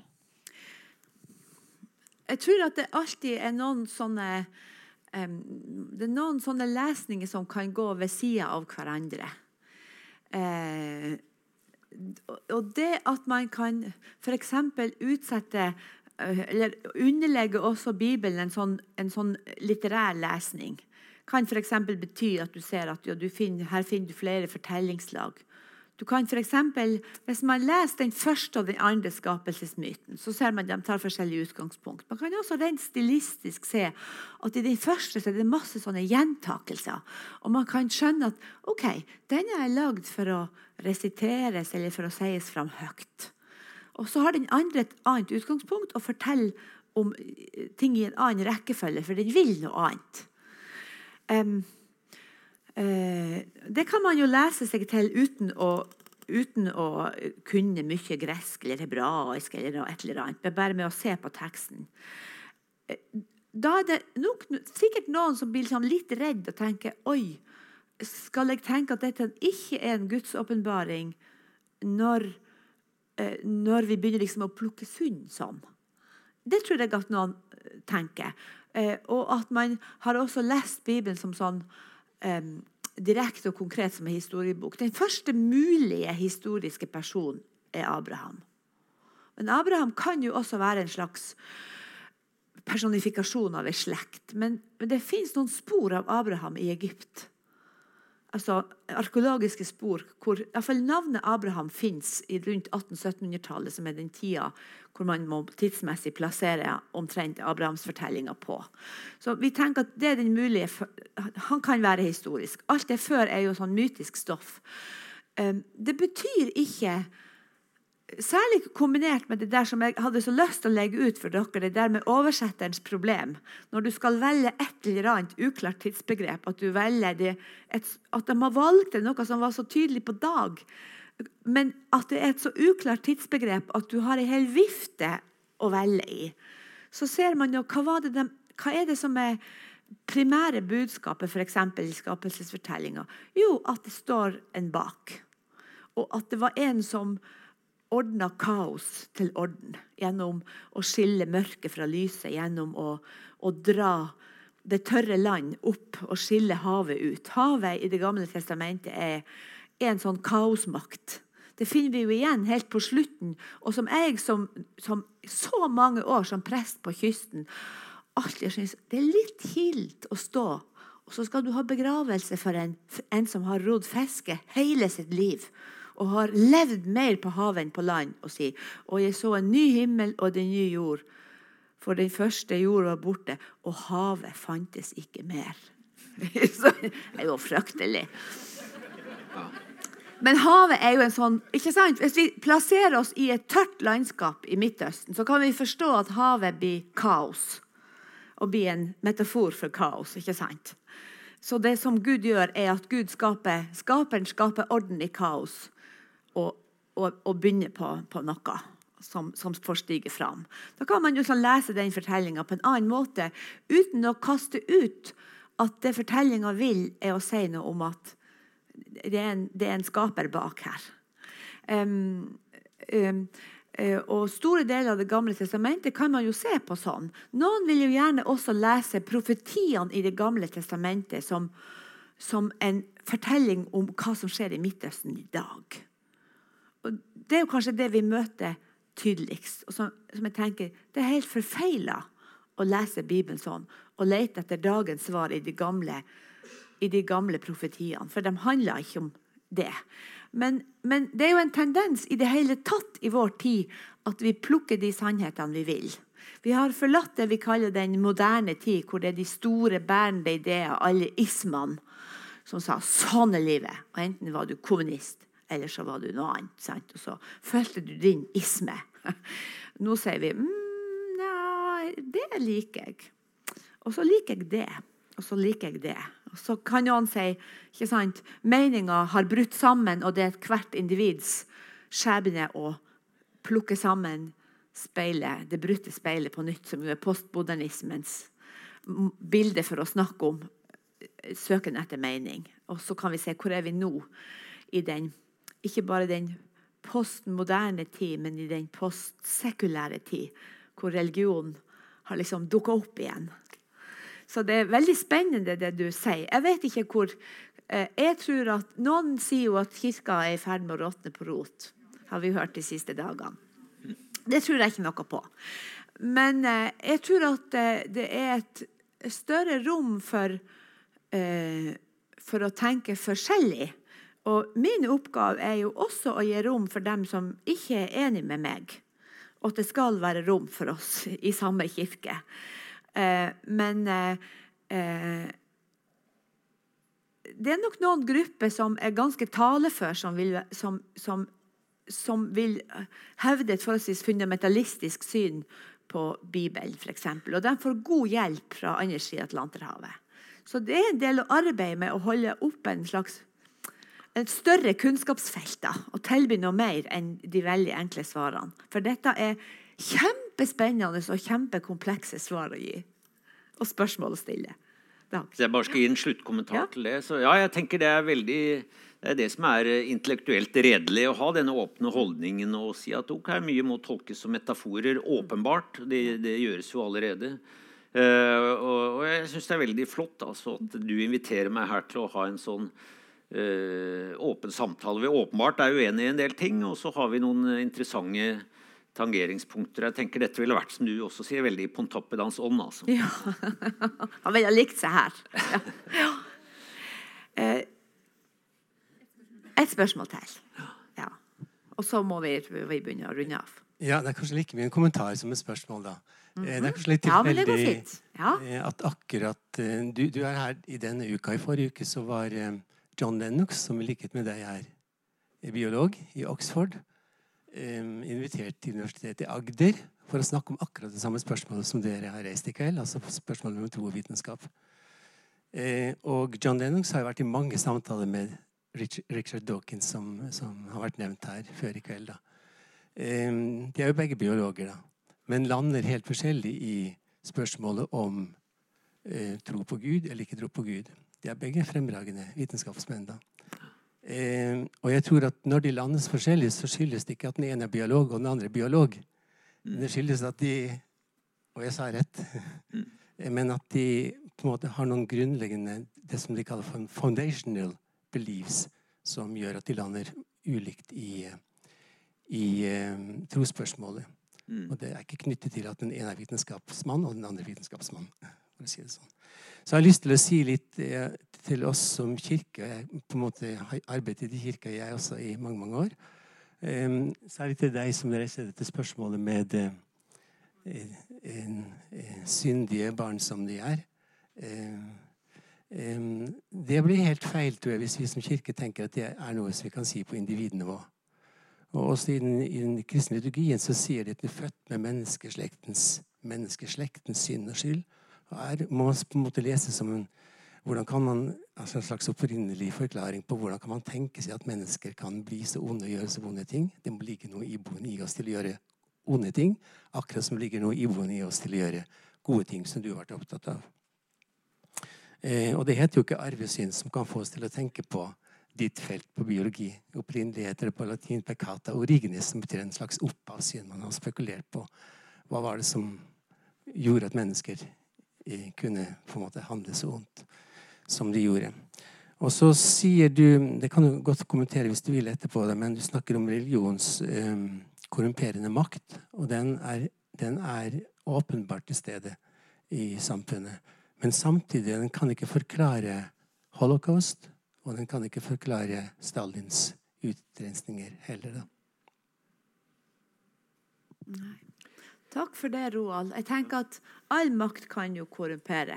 Ja, for all del. altså. Ja. Så det er, ikke noe, det er mer som en kommentar på at religion ikke alltid er god, hvis noen skulle ha trodd det. Men eh, nei, det er mange, mange kilder til ondskap. Og selvfølgelig mye av, av det som, som du også sa, tilsynelatende religionskonflikter er nok kamuflert eh, egentlig personlige eh, maktbegjær osv. Og, så videre, og så dekker man dette Eller stammekonflikter eller konflikter om naturressurser for den del. Og så eh, for å gi det en eller annen merkelapp, så, så seiler det under tro. For det er lettere å mobilisere eh, folk både for og mot noe hvis det står om, om tro. Og, og jeg tror du har helt rett i at eh, om man eh, er biolog eller biolog, kan man lande på forskjellige standpunkt. Det har på personlighet å gjøre. Nå er det nok et overveldende flertall av eh, evolusjonsbiologer som, som eh, ikke er troende fordi de ikke ser behov for det. Men eh, jeg har også gode kolleger blant eh, fysikere som er virkelig så hardcore realister som det kan være, og som også er troende. Så jeg tror dette går på, på, på personlighet, selvfølgelig. Klokka er blitt kvart på ni. Vet dere, vi må slutte. Ja. Tusen takk for en, en, til et lydhørt og våkent publikum. Takk til deg, Dag Hessen, som har tatt turen fra Oslo og hit for å være sammen med oss. I høst kan vi ses igjen en gang til på, i dette lokalet eller eventuelt inne på Sellandrå den 15. november. Da har vi ett møte til med Ernst Johan Gunnerus. Da kommer han som skrev en biografi om han som kom ut i fjor. Eh, Rolf Nødtvik Jacobsen som skrev 'Biskopen som hyllet vitenskapen'. Hva lærte vi av Gunnerus? 15. november. Velkommen tilbake. Takk, takk.